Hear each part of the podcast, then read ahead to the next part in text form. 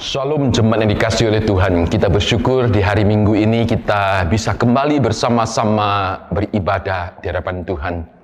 Mari saya mengajak kita bersama-sama menyiapkan diri untuk membaca dan merenungkan firman Tuhan. Kita akan mohon pimpinan Tuhan. Kita akan berdoa bersama-sama. Bapak Surgawi, terima kasih Tuhan memelihara hidup kami. Keberadaan kami terjaga dengan baik sampai hari ini. Terima kasih ya Tuhan. Berkati kami ketika kami menyiapkan hati kami membaca dan merenungkan firman Roh Kudus yang akan memimpin kami. Dan pakai hambamu ya Tuhan dalam segala kesederhanaan, dalam segala keterbatasan, agar boleh menjadi berkat bagi kami semuanya. Di dalam nama Yesus kami berdoa. Amin. Mari saudara kita akan bersama-sama melihat satu bagian firman Tuhan. Surat Roma pasal yang ke-8 ayat 29 hingga ayat yang ke-30. Firman Tuhan berbunyi demikian. Roma pasal yang ke-8 ayat 29 hingga ayat yang ke-30. Sebab semua orang yang dipilihnya dari semula, mereka juga ditentukannya dari semula untuk menjadi serupa dengan gambaran anaknya. Supaya ia, anaknya itu, menjadi yang sulung di antara banyak saudara dan mereka yang ditentukannya dari semula, mereka juga dipanggilnya. Dan mereka yang dipanggilnya, mereka juga dibenarkannya. Dan mereka yang dibenarkannya, mereka itu juga dimuliakannya.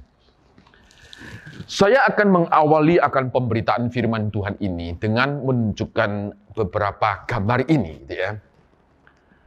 Orang ini adalah bernama Herbert Seves, yaitu seorang pemuda dari Filipina Dikatakan di dalam berita itu, orang ini ketika berusia lima tahun, dia untuk pertama kalinya melihat film Superman.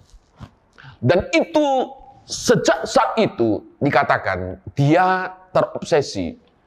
Herbert Savage ini terobsesi menjadi seperti tokoh idolanya. Dia terus terobsesi, dia mengumpulkan begitu banyak dikatakan memorabilia tentang Superman ini. Sehingga dia juga tercatat di dalam Guinness Book itu ya sebagai orang yang paling banyak men, me, mengumpulkan pernak-pernik yang berkaitan dengan superhero yaitu Superman.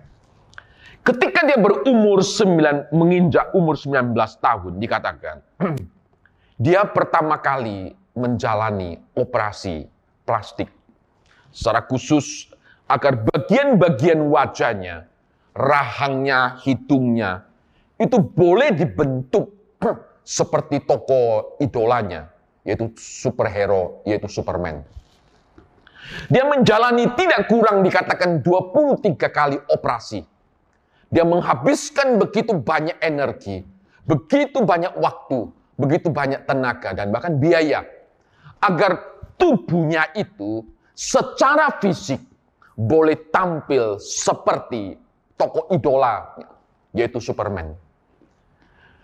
Saudaraku yang dikasih oleh Tuhan, tentunya apa yang menjadi obsesi daripada Herbert Savage ini, dia bisa menyerupai akan superhero itu, yaitu Superman, adalah dalam pengertian secara fisik saja, yaitu secara wajahnya, dibentuk sedemikian rupa. Kita sebagai anak Tuhan, di dalam bagian firman Tuhan kita baca ini juga dikatakan, kita ditentukan dari semula untuk menjadi serupa dengan gambar anaknya, yaitu Yesus Kristus. Tentunya kita yang dipilihnya dari semula, kita juga yang ditentukannya dari semula, kita dipanggil untuk menjadi serupa dengan gambarnya, yaitu Yesus Kristus. Ini tidak bicara soal fisik, tapi ini bicara soal karakter hidupmu dan hidup saya sebagai anak Tuhan. Bagaimana serupa dengan anaknya, yaitu Yesus Kristus. Kenapa keserupaan dengan Kristus itu menjadi begitu penting bagi hidup kita sebagai anak Tuhan? Kalau kita membaca di dalam Roma pasal yang ke-12, di situ Paulus mendorong orang-orang percaya agar mempersembahkan tubuhnya sebagai persembahan yang hidup di hadapan Allah. Lalu di ayat yang kedua dikatakan, janganlah kamu serupa dengan dunia ini. Dengan kata lain, Allah ingin kita serupa dengan Kristus, yaitu mengalami pembaruan akal budi. Sehingga kita bisa membedakan manakah kehendak Allah, manakah yang baik, dan manakah yang berkenan di hadapan Tuhan. Perlu kita sadari, ketika Kristus datang ke dalam dunia ini, dia bukan sekedar menyelamatkan engkau dan saya. Bukan. Tapi ada lebih daripada itu. Agar orang-orang yang diselamatkan yaitu engkau dan saya. Itu boleh menjadi satu proses pengkudusan, saintifikasi. Agar kita boleh serupa dengan Kristus. Di dalam proses itulah engkau dan saya jalani.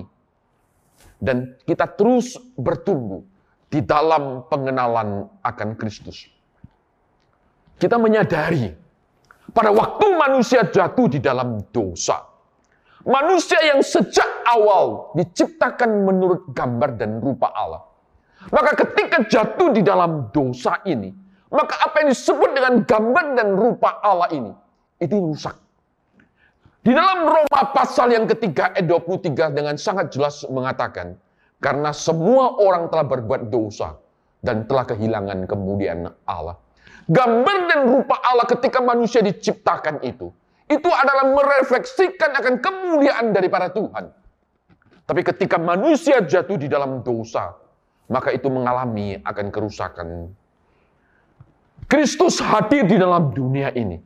Ketika menyelamatkan engkau dan saya, agar boleh mengembalikan apa yang sudah rusak itu, gambar dan rupa Allah yang sudah rusak ini, itu boleh dipulihkan dan kita dipimpin kembali agar kita juga dimuliakan nantinya. Nah, di dalam proses itulah maka Paulus di sini mengatakan bahwa kita yang dipilihnya, kita yang ditentukannya, kita juga ditetapkannya untuk menjadi serupa dengan anaknya. Allah betul mengasihi engkau dan saya. Tetapi Allah tidak akan membiarkan engkau dan saya dalam kondisi apa adanya. Max Lucado dengan jelas mengatakan, Allah mengasihi kita apa adanya, tapi ia menolak membiarkan kita seperti itu atau membiarkan kita apa adanya. Allah ingin engkau dan saya menjadi serupa dengan Kristus. Betul ketika Tuhan menyelamatkan engkau dan saya. Allah mengasihi kita apa adanya. Dalam seluruh keberdosaan, dalam kelemahan kita. Tapi ketika engkau dan saya sudah diselamatkan di dalam Kristus, Allah menolak engkau tetap dalam kondisi seperti itu. Allah ingin engkau dan saya sebagai umat yang sudah diselamatkan di dalam Kristus itu menjalani satu proses pertumbuhan hidup sampai kita nanti serupa secara sempurna dengan Kristus adanya. Saudaraku yang dikasih oleh Tuhan, kalau kita membaca di dalam Roma pasal yang ke-8 ayat yang ke-29 hingga yang ke-30 ini. Kenapa keserupaan dengan Kristus itu menjadi begitu penting bagi hidupmu dan hidup saya sebagai anak Tuhan? Kalau kita memperhatikan baik-baik bagian firman Tuhan ini, dikatakan bahwa keserupaan dengan Kristus ini, ini adalah rencana Allah di dalam kekekalan. Dan rencana ini adalah sesuatu yang pasti adanya. Paulus di dalam bagian firman ini menjelaskan rencana karya keselamatan Allahnya bagi umatnya. Dan tindakan Allah itu terlihat dalam kata-kata atau frase kalimat yang dia pilih. Dia katakan, ia yang memilih dari semula. Yang menentukan dari semula. Dan kita ditetapkan untuk menjadi serupa dengan Allah. Ini adalah bicara soal ordo keselamatan Bagaimana Allah yang menentukan kita dari semula. Allah yang memilih kita dari semula. Allah itu juga ingin kita serupa dengan Kristus. Maka kata semula dari bagian firman Tuhan ini. Ini adalah dalam pengertian sejak di dalam kekekalan. Sejak di dalam kekekalan. Allah sudah menentukan, Allah sudah menetapkan agar orang-orang yang dipilihnya itu boleh bertumbuh menyerupai akan Kristus anaknya yang tunggal itu. Rencana Allah yang kekal itu. Sebagaimana Kristus ditetapkan sejak semula untuk menjadi juru selamat. Untuk lahir di dalam dunia ini. Untuk menjadi penyelamat bagi engkau dan bagi saya. Maka dengan demikian juga dikatakan penentuan agar kita menjadi serupa dengan Kristus itu itu juga sejak di dalam kekekalan. Bila karya keselamatan Allah di dalam Kristus bagi umatnya telah direncanakan sejak di dalam kekekalan, maka dapat dipastikan juga bahwa keserupaan dengan Kristus itu juga merupakan akan rencana Allah bagi engkau dan saya sejak di dalam kekekalan ini. Dan rencana ini adalah pasti adanya. Kenapa? Karena kita tahu jika keselamatan kekal merupakan rencana Allah. Apakah rencana ini bisa digagalkan? Apakah rencana ini bisa dibatalkan? Jawabannya adalah tidak. Karena keselamatan yang Allah anugerahkan, yang dikatakan, dinyatakan dalam kebenaran firman Tuhan, di dalam seluruh Alkitab, itu adalah sesuatu yang tidak mungkin gagal. Keselamatan Allah adalah sesuatu yang pasti adanya. Ayub di dalam pasal yang ke-42 ayat yang kedua mengatakan, dan tidak ada rencanamu, yaitu rencana Allah yang gagal. Seluruh rencana Allah, karya keselamatan Allah bagi engkau dan saya, umat yang telah dipilih sejak semula, ditapkan dari sejak semula, untuk menjadi serupa dengan gambar anaknya. Ini adalah satu rencana Allah yang ada sejak di dalam kekalan. Dan rencana itu adalah pasti adanya. Bahkan Paulus menegaskan kepastian rencana karya keselamatan Allah bagi orang-orang percaya. Dia menggunakan beberapa kata kerja untuk menjelaskan kesemuanya itu. Di sini kalau kita baca di dalam ayat 29 hingga ayat yang ke-30. Dia katakan dia memilih, dia menentukan, dia memanggil, dia membenarkan, dia juga yang akan memuliakan. Ini adalah ordo keselamatan rangkaian keselamatan yang akan engkau dan saya jalani. Bagaimana Allah yang memilih, Allah yang menentukan, Allah yang memanggil, Allah yang membenarkan, dan Allah yang memuliakan. Kita sebagai orang-orang percaya, di dalam menjalani kehidupan, keselamatan yang pasti yang Allah anugerahkan bagi engkau dan saya. Allah ingin kita bertumbuh serupa dengan Kristus. Kita dipanggil, kita ditentukan, kita juga ditetapkan untuk serupa dengan Kristus. Ini adalah sesuatu yang pasti di dalam perjalanan hidup kita sebagai anaknya. Oleh karena itu, keserupaan dengan Kristus itu menjadi satu proses pengkudusan yang sangat penting di dalam kehidupan kita sebagai anaknya. Ini. Lalu yang kalau kita lihat catatan lebih lanjut. Keserupaan dengan Kristus ini, Paulus bicara soal rencana itu kekal dan pasti. Tapi Paulus juga bicara bahwa keserupaan dengan Kristus adalah bukti kasih engkau kepada Allah. Yaitu kasih kita kepada Allah. Bila kita membaca bagian firman Tuhan ini di dalam ayat 29 dan ayat yang ke-30, maka di situ diawali dengan satu ayat yaitu ayat yang ke-28. Satu ayat firman Tuhan yang begitu favorit. Dan kita banyak membaca, mengenal, bahkan menghafali. Firman Tuhan demi, berbunyi demikian, kita tahu sekarang bahwa Allah turut bekerja dalam segala sesuatu untuk mendatangkan kebaikan. Yaitu bagi siapa? Yaitu bagi mereka yang mengasihi dia. Yaitu bagi mereka yang terpanggil sesuai dengan rencana Allah. Di dalam bagian ini ada dua fase kalimat yang saya ingin tunjukkan. Satu yaitu mereka yang dipanggil sesuai dengan rencana Allah. Satunya lagi adalah mereka yang mengasihi akan Allah. Paulus sangat jelas mengatakan bahwa rencana Allah yang kekal itu bagi orang-orang yang dipanggilnya, mereka itu juga adalah orang-orang yang mengasihi akan Allah. Dengan kata lain, kalau kita perhatikan di dalam bagian firman Tuhan ini, Paulus ingin mengatakan bahwa Allah yang terlebih dahulu memilih kita, Allah yang terlebih dahulu mengasihi kita, maka sekarang Allah memanggil kita untuk mengasihi akan Dia.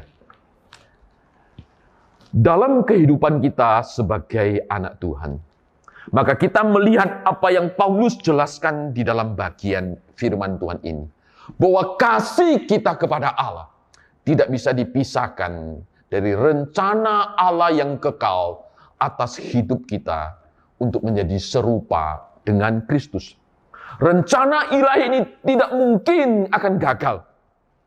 Rencana ini akan tetap tercapai di dalam kehidupan kita.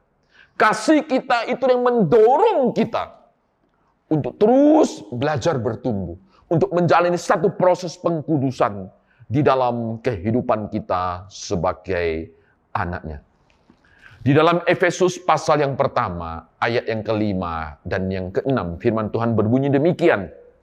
Dalam kasih ia telah menentukan kita dari semula oleh Yesus Kristus untuk menjadi anaknya. Sesuai dengan kerelaan kehendaknya.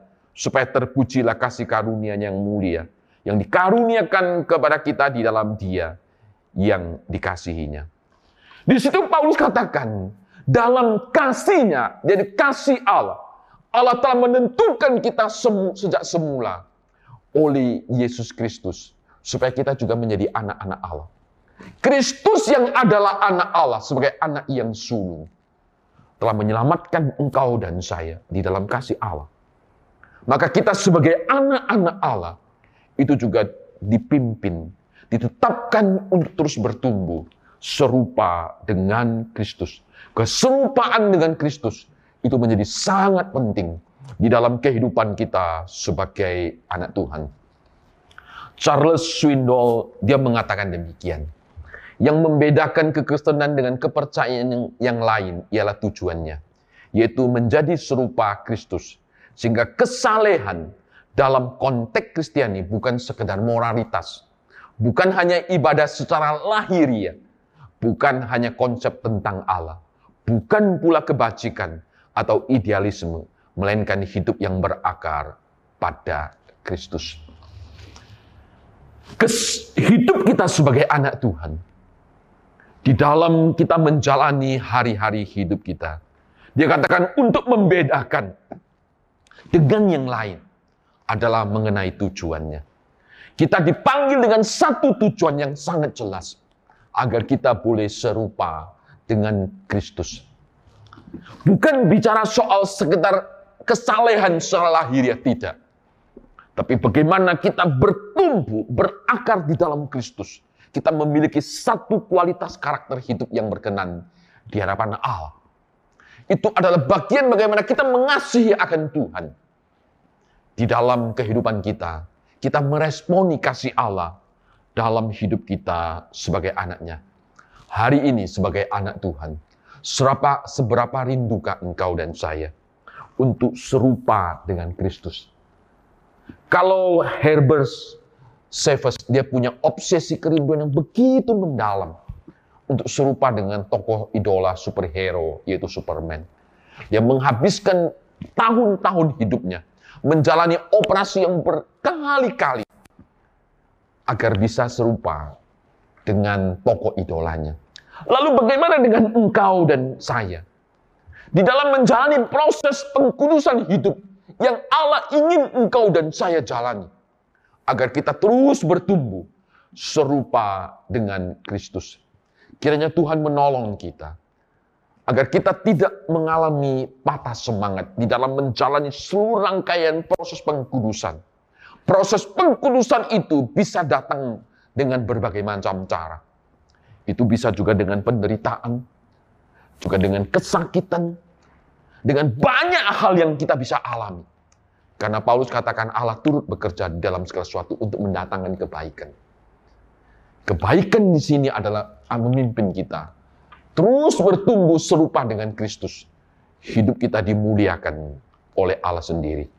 Oleh karena itu mari kita terus belajar untuk meresponi akan panggilan Allah, Allah yang telah menetapkan kita, Allah yang telah memilih kita. Kita yang sudah mengalami kasih setia daripada Tuhan. Kita ingin mengasihi Allah untuk hidup serupa dengan Kristus. Di dalam kita menjalani akan hari-hari yang ada. Kiranya Tuhan menolong kita dan memampukan kita menjalani seluruh rangkaian proses pengkudusan hidup agar kita bertumbuh di dalam Kristus dan makin menyerupai akan Kristus. Kiranya Tuhan memberkati engkau dan memberkati saya. Amin. Mari kita berdoa. Bapa Surgawi kami tahu bahwa engkau yang telah memilih kami. Sejak dari semula, engkau telah juga menentukan, menetapkan kami sejak semula. Untuk menjadi serupa dengan gambar daripada Yesus Kristus anakmu yang tunggal ini di situlah proses pengkudusan hidup terjadi. Tuhan pimpin kami, agar seluruh karakter hidup kami makin menyerupai akan Kristus. Berkati kami ya Tuhan, dan kami menyerahkan akan hidup kami ke dalam tangan Tuhan. Kami boleh menjalani seluruh rangkaian proses pengkudusan ini. Dan akhirnya kami yang dibenarkan, kami juga akan dimuliakan Itulah kerinduan kami yang terbesar yang boleh Tuhan anugerahkan. Terpujilah engkau ya Tuhan, berkatilah umatmu di dalam menjalani seluruh rangkaian proses pengkudusan agar kami serupa dengan Kristus. Di dalam namamu kami berdoa dan mengucap syukur. Amin.